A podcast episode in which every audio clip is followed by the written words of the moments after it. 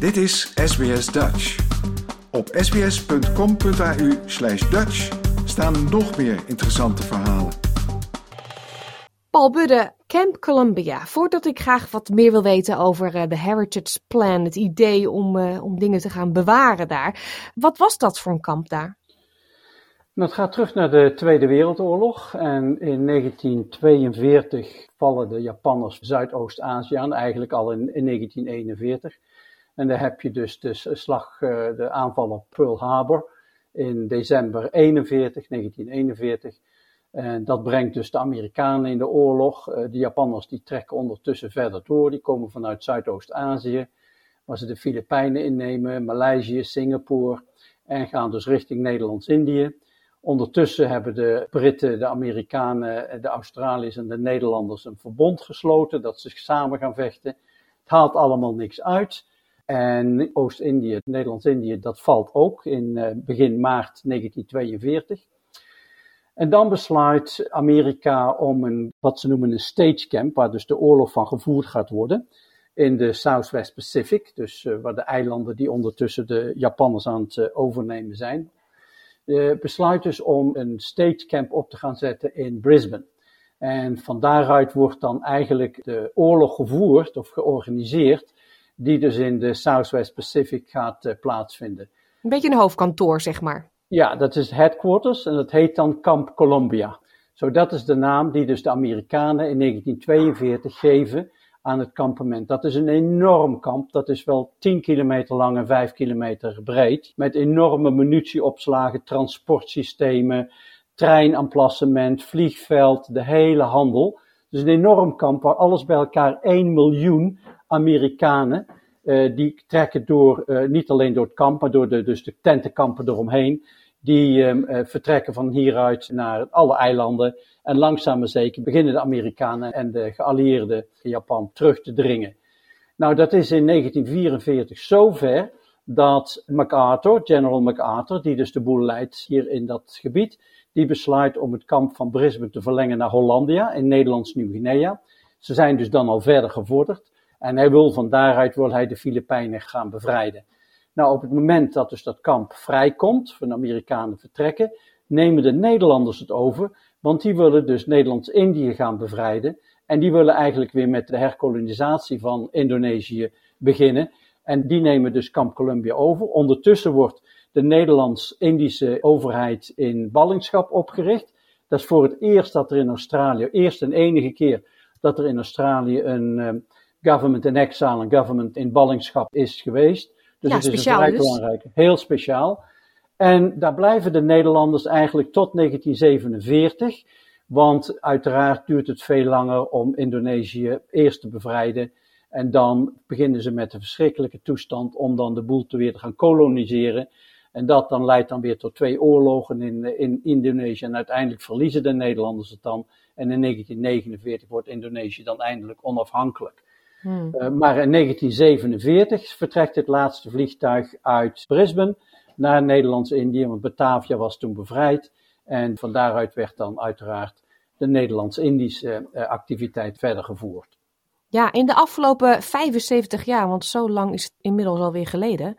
Wat is er met dat stuk grond wat het kamp was, hoofdkwartier was, gebeurd? Eerst kwamen dus de vluchtelingen uit Indië aan, want die waren dus, er waren honderdduizend mensen in Japanse kampen. En die waren uitgehongerd, uh, er was een verschrikkelijke toestand. Een heleboel zijn er overgevlogen naar uh, Australië en hebben daar voor zes maanden kunnen herstellen, voordat ze weer teruggingen naar, of naar Indonesië of naar Nederland. Dus de eerste paar jaar, 45, 46, zijn er veel van die vluchtelingen zijn dus uh, ook weer naar Brisbane gevoerd, maar ook naar andere steden in Australië, waar ze dus onderdak hebben gekregen en voor zes maanden konden terugvallen. Daarna is een groot gedeelte van het kamp overgezet in een migratiekamp. Het was het grootste migratiekamp in Queensland. En pas in de jaren 80 is dat gesloten. Maar omdat ik vertel, dat is een enorm groot gebied, 10 bij 5 kilometer. Dus het oude hoofdkantoor, dat is overgenomen door gevangenissen. Er zijn een aantal gevangenissen. Er is een heel groot RSPCA, er zijn fabrieken. Maar er zijn ook vier of vijf nieuwe suburbs op dat land gebouwd. Dus het, was een, het is een enorm terrein. Wij concentreren ons uiteraard waar het hoofdkantoor was. En zoals ik al zei, een groot gedeelte is daar nu onderdeel van, is een gevangenis. Dus daar kun je helemaal niks mee doen. Maar een klein gedeelte van dat grote gebied, daar kun je nog dingen terugvinden van Camp Columbia. Ja, zoals? Heel interessant is dat we daar insignes hebben gevonden van Nederlandse militairen. Dus wat dat betreft is het duidelijk dat op dat gebied waar we dus een, iets gaan, willen gaan doen, dat op dat gebied dus inderdaad Nederlanders zijn geweest. Daar stonden hutten, barakken, waar de mensen dus in waren. Er is een groot infrastructuur, er was de grote sewerage tank stonden daar, brug, weg, wegen, uh, fundamenten van verschillende gebouwen die we nog moeten onderzoeken wat het precies waren. Dus ja, er is behoorlijk wat. Het is niet groot, maar er is behoorlijk wat waar we een verhaal omheen kunnen vertellen, want daar gaat het in feite om, over Camp Columbia. En die restanten zijn daar, die zijn in een, in een reserve, in een bush reserve, dus dat is toegankelijk. En daar eh, concentreren we ons op. Ja, jullie eh, vinden dat die erfgoeditems bewaard moeten blijven. En hebben dus ook een plan opgevat om iets te gaan organiseren om het te behouden. Nou, het interessante is dat de Nederlandse regering geld beschikbaar heeft gesteld aan de Universiteit van Queensland om zo'n archeologisch onderzoek te doen. Dat hebben ze gedaan, maar ze hebben dat meestal gedaan in het gebied van de gevangenis. Nou, daar kunnen we verder niks mee. Nou, toen heb ik ontdekt dat er aan de andere kant wel, uh, uh, aan de andere kant van de weg, aan de ene kant van de weg ligt de gevangenis. Die weg is ondertussen dwars door het kamp aangelegd, een nieuwe weg. Maar aan de andere kant is dus dat reserve, en daar ben ik gaan praten. Nou, heeft de ambassadeur en de universiteit zijn ermee akkoord gegaan dat we dus ons uh, grondgebied verlegden van de gevangenis naar dit reserve. En het plan nu is dus dat we gaan kijken of we daar een heritage park van kunnen maken. Met name dat we daar dus verhalen omheen gaan vertellen. Niet alleen van Nederland, uiteraard de hele geschiedenis van de Amerikanen en van de Australiërs, van de Nederlanders. Dus het moet een collaboratief project gaan worden, samen met de stad Brisbane, want het reserve is uiteraard van de stad Brisbane. Hmm. En uh, daar zijn we dus nu mee bezig om de mensen bij elkaar te brengen. We gaan volgende week met de Brisbane Council praten over hoe we dat verder gaan aanpakken. En vanmiddag ga ik met een Nederlandse historicus ga ik, uh, het park bezoeken. Want die gaat kijken wat we met een heritage plan kunnen gaan doen. Dus we zijn volop bezig om de voorbereidingen daarvoor te gaan treffen. Hoe we dat het best gaan aanpakken.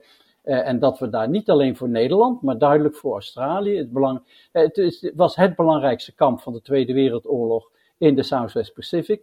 Dus het is belangrijk voor iedereen. Het is totaal vergeten. Die, dat stuk geschiedenis is haast niet bekend. Niet bij de Nederlanders en niet bij de Australiërs. Dus wat dat betreft is er interesse. Men zegt, god, dat wist ik allemaal niet. Uh, vandaar dat we dus een presentatie hebben gehouden in Waco voor de mensen die er geïnteresseerd zijn. En straks op Archfield Airport, wat er ook bij hoort, gaan we ook weer een lezing houden. Dus langzaam maar zeker begint daar meer uh, interesse en aandacht voor te komen. En hopelijk helpt dat allemaal om dat heritage plan dan voor elkaar te gaan krijgen. Ja, goed om te horen dat de neus in ieder geval allemaal dezelfde kant op staan. En uh, dat iedereen uh, wel hetzelfde doel voor ogen heeft. Ja, het is duidelijk dat uh, het, punt komt natuurlijk naar nou van ja, dat gaat geld kosten en hoe gaan we dat doen? Er is wat geld uit Nederland mogelijk beschikbaar volgend jaar waar we naar willen gaan kijken. Dollar voor dollar met Brisbane Council. Enfin, dat zijn eigenlijk de, de onderhandelingen die we nu moeten gaan bekijken van hoe gaan we dat aanpakken, dat we zoiets op kunnen gaan zetten. En in ieder geval, zoals je zegt, uh, iedereen is er enthousiast over. Dus er is goede hoop dat we iets uh, voor elkaar gaan krijgen. Dankjewel, Paul Budde. Graag gedaan. Like, deel, geef je reactie. Volg SBS Dutch op Facebook.